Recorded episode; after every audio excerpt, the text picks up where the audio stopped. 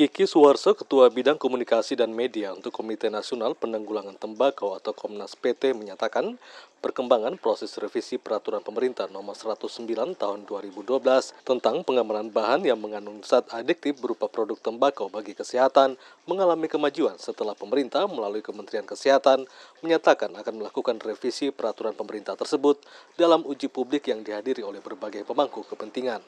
Revisi peraturan pemerintah itu disebutkan akan memperkuat perluasan peringatan kesehatan bergambar, larangan penjualan ketengan, larangan iklan terutama pada iklan di internet dan media luar ruang, promosi dan sponsor, serta pengaturan rokok elektronik seperti pada rokok konvensional dan memperkuat pengawasan dan sanksi.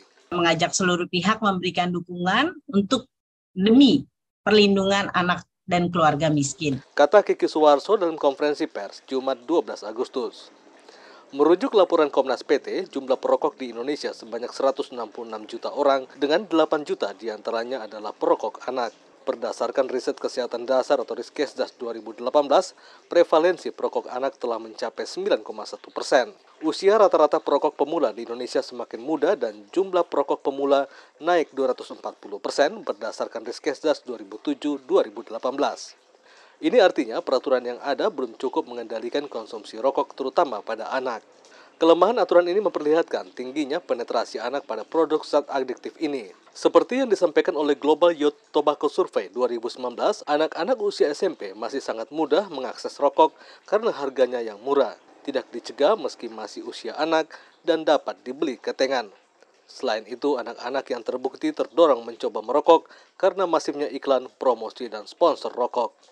Ketua Umum Ikatan Dokter Indonesia atau IDI, Adib Kumaidi, menyatakan hingga kini Indonesia belum memiliki regulasi yang benar-benar kuat untuk mengendalikan konsumsi rokok. Bahkan sampai saat ini Indonesia belum meratifikasi Konvensi Kerangka Kerja Pengendalian Tembakau atau FCTC. Ini adalah satu upaya kita bersama untuk mereminding tugas negara melindungi rakyatnya. Kata Adib Kumaidi.